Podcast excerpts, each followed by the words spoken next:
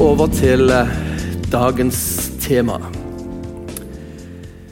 Hva er ditt manus for livet?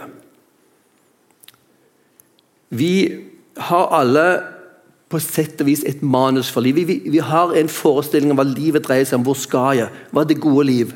Hva drømmer jeg om? Hva er veien dit? Så får vi ulike manus for livet inn i vårt hode fra kulturen, fra foreldrene, fra vår egen tenkning. Og så tror vi vi har en konstruktiv vei, kanskje. Vi har alle disse manusene for livet. Og så er det av og til at disse manusene vi har, bringer oss inn i vanskelige situasjoner. De gir oss feil veier, de bryter oss ned, så at vi står i villrede. Hva er det som har skjedd her? Jeg trodde dette Dette var måten å leve på, og så viste det seg å ikke fungere.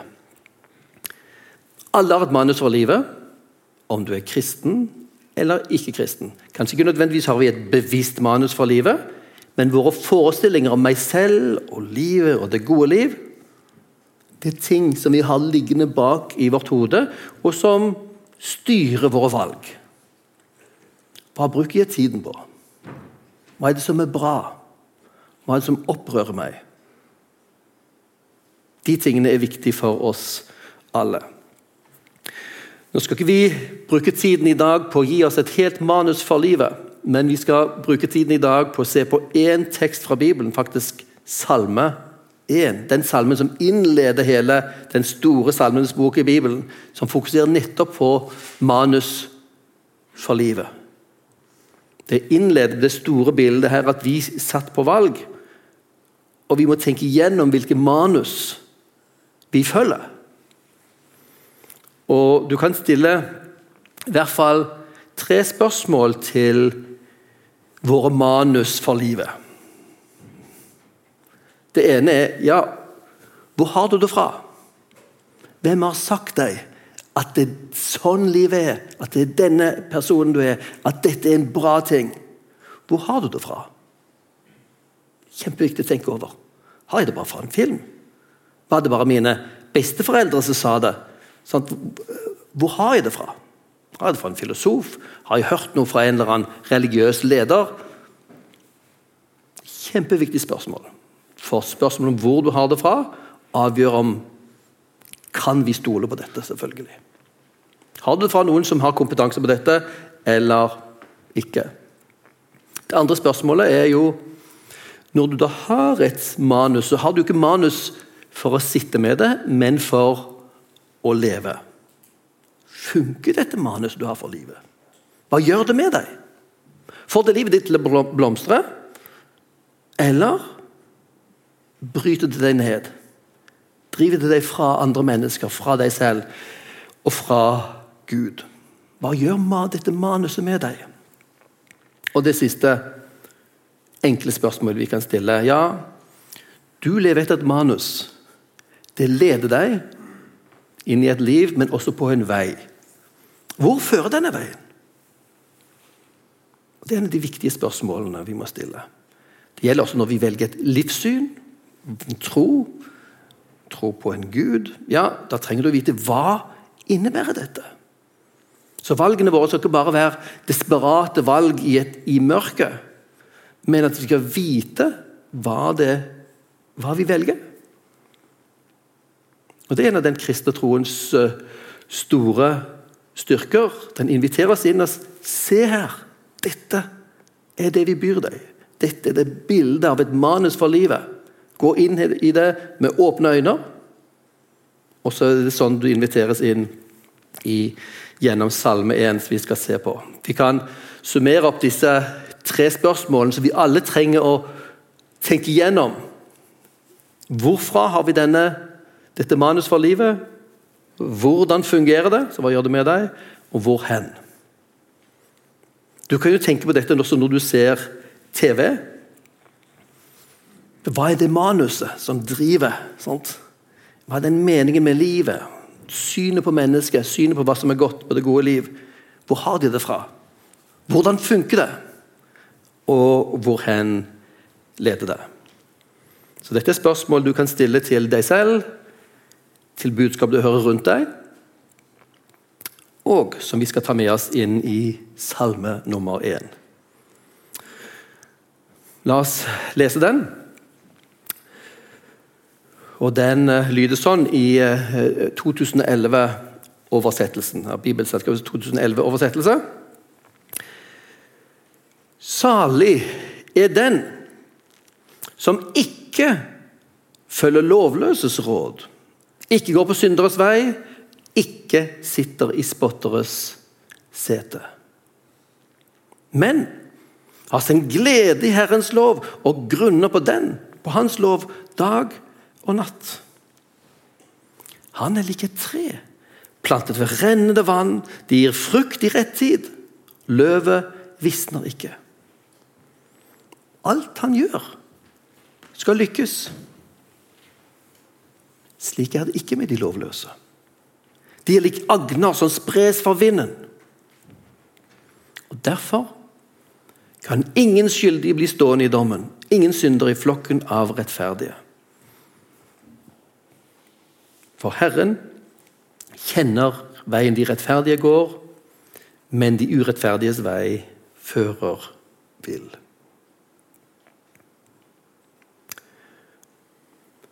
Når vi tenker igjennom hvordan Salmenes bok åpner, så er jo dette kanskje litt sånn overraskende tone. Vi kunne kanskje tenkt at salmene begynner med lovsang osv., men her begynner det med manuset ditt for livet. Og det begynner negativt. Det begynner å se på verden omkring oss. Salig den som ikke For her utfordres vi alle på alternativer. Det er ikke bare ett manus for livet, det er hundre. Det er et manus for hver av våre liv, og så tilbys vi hele tiden. Inviteres og fristes av ulike typer manus som lover oss ulike ting. Så begynner den Salmenes bok med 'salig den som ikke'. Du må velge. I stor grad så vil ditt liv styres av hva du sier nei til. Som de er opptatt av hva vi skal si ja til. Men du kan ikke si et ordentlig ja uten at du sier også et nei. Sånn, dere som driver og bygger menighet, vil jo også, vil jo også vite det. Vi, har, vi, elsker de som sier ja til mange oppgaver, sant? men på et eller annet punkt så er det fullt. Så også de ja-menneskene trenger å si nei til de riktige tingene. Sant? Og De som fungerer lenge i tjenester, også i menighet, er de som vet når de også skal si nei. Det er den interne. Å si nei er en veldig viktig ting for å kunne gjøre det du skal si ja til. Sånn er det med livet og med manusene. Å si nei på de riktige stedene. Salig den som ikke følger lovløses råd. Og Hvis vi ser på hvordan denne salmen er bygd opp, så er det jo spørsmål hvorfra først. De første versene. Den som ikke følger rådene fra de lovløse, onde mennesker, syndere og spottere. Sånne mennesker fins der i verden. Krigen i Ukraina bare minner oss om hvordan verden egentlig er når den er det ytterste, den ytterste av ondskapen. Men den finnes her, inni våre hjerter, i våre relasjoner. Hvor det er lett å ende opp i konflikt, lett å såre hverandre og hvor det er lett å fristes av snarveier. De lovløse. De som ikke bryr seg om hva som er rett og galt, og går over grenser, går over andres grenser, egne grenser, samfunnets grenser.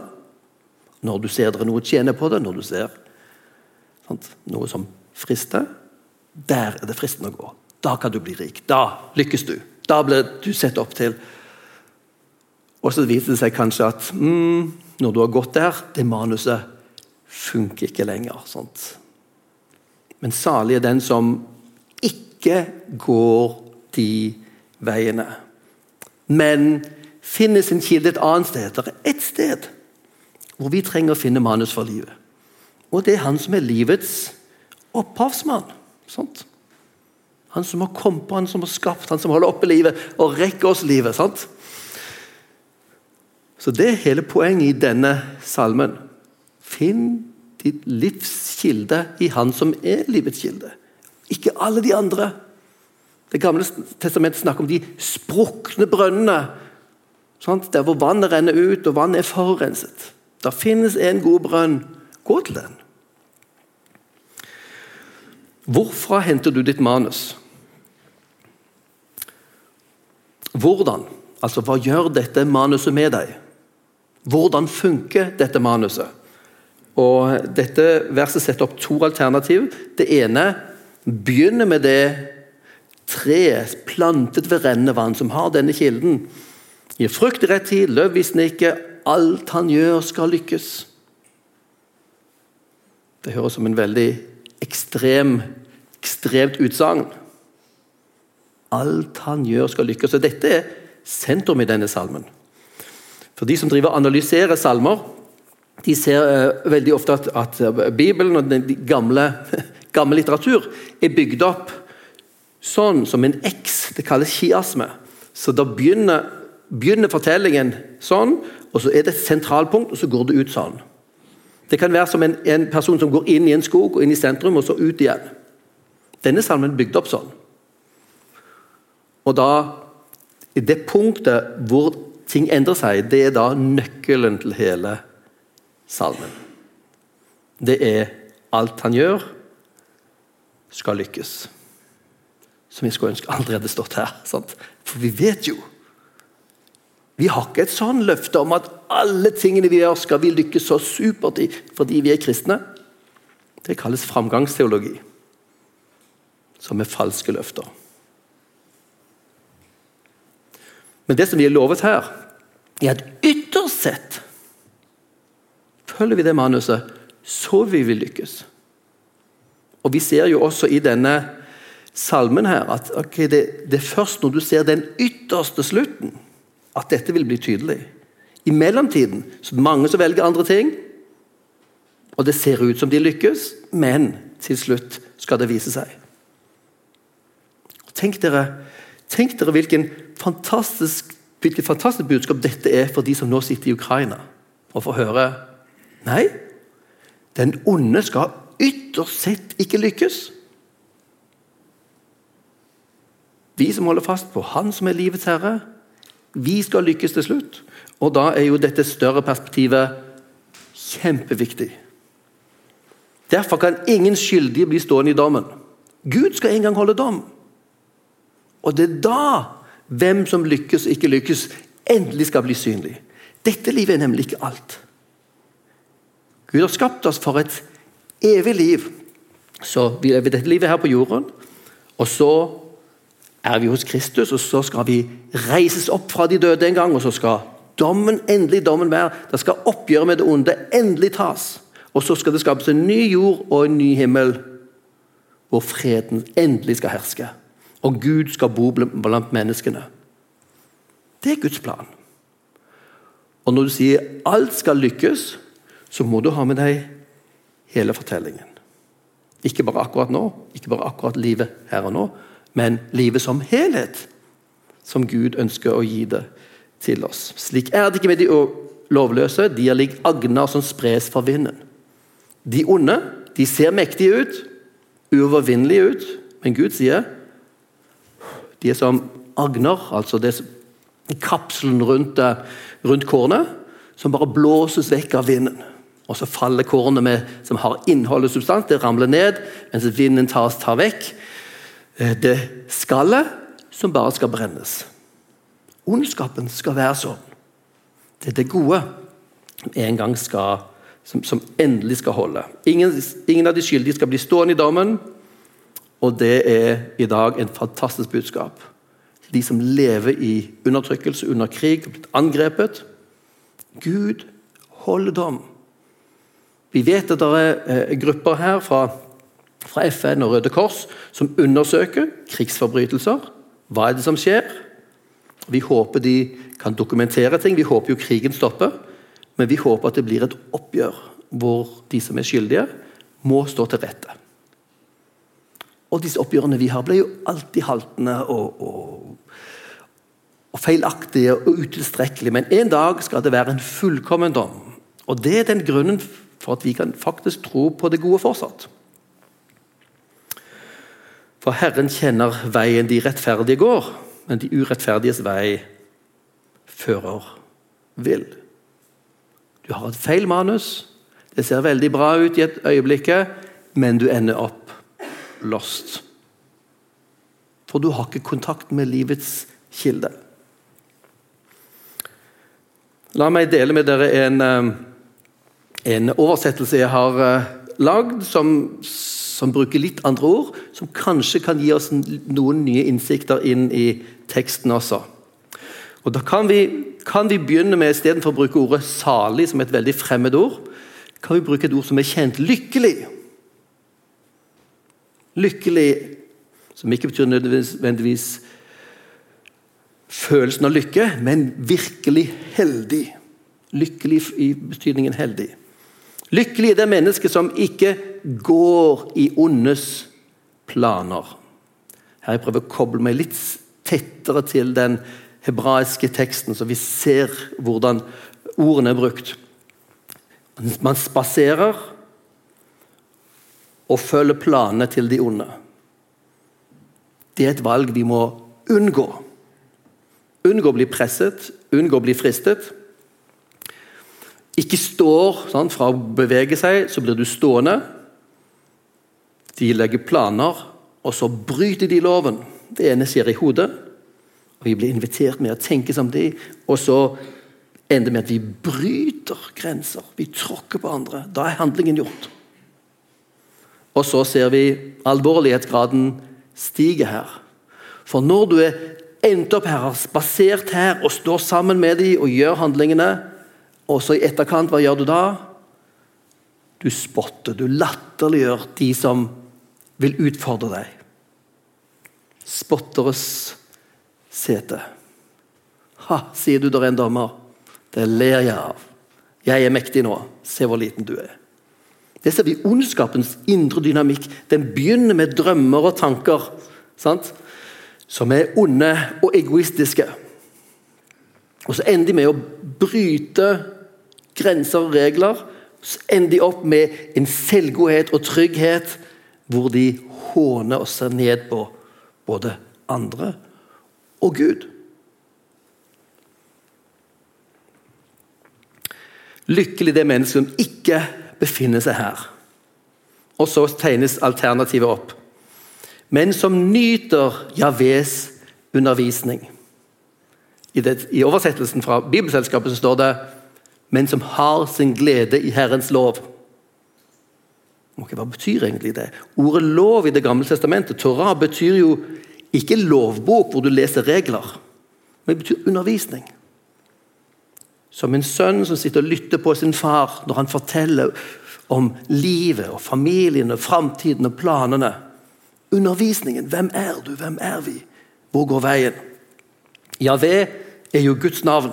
Ordet Herren her er Guds navn i Gamle testamentet. Han som ga loven på Sinai og har undervist sitt folk om hva livet skulle være. Og den som tar inn det, vil kjenne at det er å nyte. Du kjenner at du er verdifull, du er elsket, du er beskyttet, du er velsignet av en Gud. Du gir rammer for livet som beskytter deg og dine og de svake, og gir, et, gir løfter til seg. Det smaker godt. Nyter Javés undervisning, mediterer på hans undervisning dag og. Ha det i bakhodet. Det betyr ikke at alt vi skal holde på med, er å lese Bibelen. Men den trenger å ligge som et grunnmanus for livet vårt. Dette er retningen. Og Derfor har vi også disse samlingene ukentlig. Sant? Og vi, vi eh, leser Bibelen. Vi har apper for det, vi har bibler for det, vi har bibelgrupper for det. For å hjelpe oss å grave. Og når, eh, når vi ikke kjenner at vi nyter det lenger, at det blir kjedelig rutinemessig, da er det noe galt med oss. For i denne boken er det ufattelige skatter. Iblant trenger vi å fornye disse verktøyene vi bruker for å lese Bibelen. Grave på nytt, og da vil vi oppdage nye ting og nye gleder og goder. Så lykke til med videre jobbing med det. Og så er det Hva gjør dette med oss?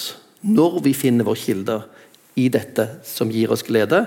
Jo, Da blir vi som et tre plantet ved vannkanaler. Disse bekkene det står om, er jo ikke naturlige bekker, men det er gravde bekker. Og du er plantet det, det, Nå ser vi ikke for oss bare en bekk i skogen og trær her. Og I Norge så har vi jo mye regn at liksom, vi har problemer med å holde skogen nede. sant? Ting gror over hvis ikke vi hogger det ned. I Midtøsten, hvor det er lite regn, så er det svære områder hvor det ikke kan vokse trær. Trærne vokser langs bekker. Og så er det slik at Du kan lage et område som du, eh, hvor du irrigerer. Sant? Irrigasjon. Du lager en hage. Og her sier salmen Gud har lagd en hage. Han har tilførsel, han har lagd disse kanalene. Han har tatt deg, du er ikke tilfeldig tre i skogen, han har tatt deg og plantet deg ved disse kanalene. Det er ikke bare tilfeldig sted i skogen du står, tilfeldigvis ved vann. Nei, du er hentet inn, for der skal du være plantet, for der har du livskilden din. Du er tre som er plantet ved vannkanaler som gir sin frukt i rett tid. Og løvet visner ikke. Vi ser for oss ikke sånn sesonger som vi har i Norge med, med vinter, sant? men hvor du kan høste og høste, og hvor løvet ikke trenger å falle av. Det er ikke et tre som, som tørker opp, fordi du har livskilden. Gir frukt. Det er det du var der for. Løvet er det som viser at det er liv der. Alt han gjør, skal lykkes. Det er da nøkkelen til dette, og det er vel å merke i det større perspektivet. Og Det blir synlig i slutten her. Sånn er det ikke med de onde. De er lik agner som spres for vinden etter dette skallet rundt kornet som vi må ha av for å kunne spise dette. her. Um, dette blåses vekk. Ondskapen skal en gang spres, selv om det ser veldig mørkt ut. De onde har makt, og sånn har det vært gjennom største del av historien. Det er ikke de gode menneskene som blir de, de mektige. Det er ofte de kyniske, egoistiske, som hersker med sine eh, agendaer og planer. Her sier det ingen onde skal bli stående når dommen felles. En gang skal dommen felles, og det er vårt store håp. Nemlig en gang skal rettferdigheten skje. Hvis ikke det er dommedag Dommedag høres negativt ut, men det er det eneste muligheten vi har for å tro på det godes seirer. Gud kan ikke bare plutselig late som om fortiden ikke finnes, og bare lage en god verden. Han er nødt til å påtale det onde. Hvis han tar oss på alvor, må vi stå til ansvar. Og Det er dommedags fantastiske budskap. Gud holder oss ansvarlige. Alle ansvarlige, som betyr at alle de som er tråkket på, skal få sin sak hørt. Av han som vet. Han som kjenner våre motiver og handlinger. Dommedag er et fantastisk evangelium. Og er det som gir oss en grunn for å tro på en framtid og en god Gud. Uten dommedag er tanken om en god Gud umulig. En tanken om en en gang fullkommen verden er umulig hvis ikke det er en Gud som tar dette oppgjøret. Så veldig mange kjemper for rettferdighet i dag og syns rettferdighet er veldig viktig. Ja, det er viktig. Vi kristne skal kjempe for rettferdighet. Og vi vet at en dag vil det komme, og derfor kjemper vi. Og vi, De seirene vi greier nå, de er begrensede, men de er viktige. Men en dag skal rettferdigheten seire, og derfor er vi motivert. Ikke bare fordi vi vinner disse kampene, for ofte taper vi de. Ofte er motstanden for stor, men i det større perspektivet så vet vi den vil vinne. Og så er løftet her Javé, den Gud som viser seg på Sinai, som inngår en pakt, som forteller sitt navn og ønsker personlig relasjon til sitt folk og til deg. Mitt navn er 'Jeg er den jeg er'. Og Når du vet det navnet, så kjenner du den levende Gud personlig. Han som er. Han som ikke kan defineres av andre ting. Han som står overalt. Han inviterer oss, som han inviterte Israels folk, til å bli en del av hans manus. Han ga dem en pakt. Sant? En del av den pakten var et manus for livet. Dette er livet. Hold fast på meg. Jeg gir, dere, øh, jeg gir dere denne loven, som er til deres beste. Ikke stjel, ikke drep, ikke lyv. Det er opplagte ting. Jeg holder dere ansvarlig for dette. Og når dere sviker, så har vi tempelet, offer. Det fins en vei tilbake. Det fins en vei tilbake hvor vi kan fortsatt holde fast på rettferdigheten og fortsatt bli, kunne bli frelst. Denne Javé kjenner de rettferdige seg. Rettferdige mennesker er ikke de som er gode og snille. De rettferdige er de som Gud anser som uskyldige. Og Det er ikke fordi de er så mye bedre enn andre, men fordi de har bekjent, erkjent sin synd, og så er offeret blitt gitt for dem, og de er erklært som uskyldige. Deres skyld er tatt vekk. Den regnes ikke lenger for disse. Det er ikke fordi de er bedre, men fordi de har tilgang til den Gud som rekker oss tilgivelsen. Men de ondes vei blir undergang. Og husk, For oss høres det brutalt ut, de som lever her i det, det gode området her på Karmøy. Fred og velstand. Og så slemt å si at de ondes vei blir undergang. Flytt deg mentalt til Ukraina nå. Tenk hvilket fantastisk budskap det er. De onde skal gå under. En gang. Vi håper vi vil se fred her. Vi håper ikke makten vil lykkes til å innta dette landet.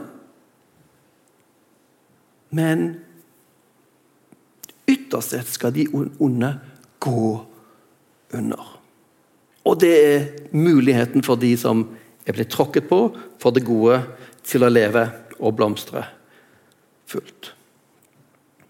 La meg lese salmen en gang til på, på Bibelselskapets versjon, som en eh, avslutning som vi fanger dette her inn før vi summerer opp. Salig, sier den, er den som ikke følger lovløses råd, ikke går på synderes vei og ikke sitter i spotteres sete. Men har sin glede i Herrens lov, grunnet på Hans lov dag og natt. Han er lik et tre plantet ved rennende vann, gir sin frukt i rett tid, og løvet visner ikke. Alt han gjør, skal lykkes. Og slik er det ikke med de lovløse. De er lik agner som spres fra vinden. Derfor kan ingen skyldige bli stående i dommen, ingen syndere i flokken av rettferdige, for Herren kjenner veien de rettferdige går, men de urettferdiges vei fører vil. Vi settes her på et valg. Manus for livet. Vil du velge det manuset hvor du blir som et tre som står støtt og gir frukt?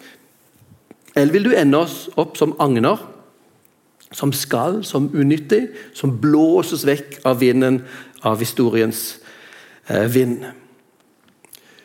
Dersom du velger Guds ord, Javes undervisning, den levende Guds ord, da har du en kilde til liv. Da bringer det frukt. Du skal ikke sitte og se og glane på frukten din. Du skal være kobla på livet. Og så kommer denne frukten av at du er plantet der. Og at det er varig. Her tilbys du livet til den evige Gud, og dermed eier du også det evige livet. Sant? Det varige, solide livet. Hvis du velger det andre manuset, som egentlig de, alle de andre manusene unntatt Gud sitt, så har du ikke røtter. Livet ditt vil ikke bære frukt, og det vil være flyktig. Du stilles på valg nå. Og Gud gjør ikke dette på en dømmende måte, men han gjør det og sier ok, jeg er livet. Og jeg viste det gjennom Jesus Kristus, som kom til dere som Guds sønn, døde og sto opp igjen. Se, her er livet. Livets kilde. Tenk over det. Grunn på det dag og natt. Og se om ikke det er en kilde til liv som, som både bærer frukt, og som varer. Men jeg vil ikke tvinge deg til noe valg. Du må gjøre valget. Men valget er her. Tilbyr det. Kom og undersøk det, reflekter over det. Still de kritiske spørsmålene om du vil. Men du må gjøre et valg. Ditt manus for livet vil avgjøre hvordan ditt liv ender opp. Og du er kalt til å velge det manuset hvor du vet kilden eh, finnes i. La oss be sammen. Himmelske Far, vi takker deg fordi du har kalt oss til livet, du som er livets kilde. Og vil du minne oss på at uh, vi finner livet hos deg. Uh, både vi som allerede tilhører deg, Herre. At vi stadig kan grunne på deg og minne oss selv at du er livets kilde. Og vi ber også for de som er tvilere og skeptikere. At de kan begynne å se hvilken vei de går, hvilket manus de har for livet. Tenk igjennom det og så se om de kan finne livet der eller hos deg, Herre. Jeg takker deg for at du ikke bare setter oss på valg, men du tilbyr oss også dette livet og manuset for det evige livet. Amen.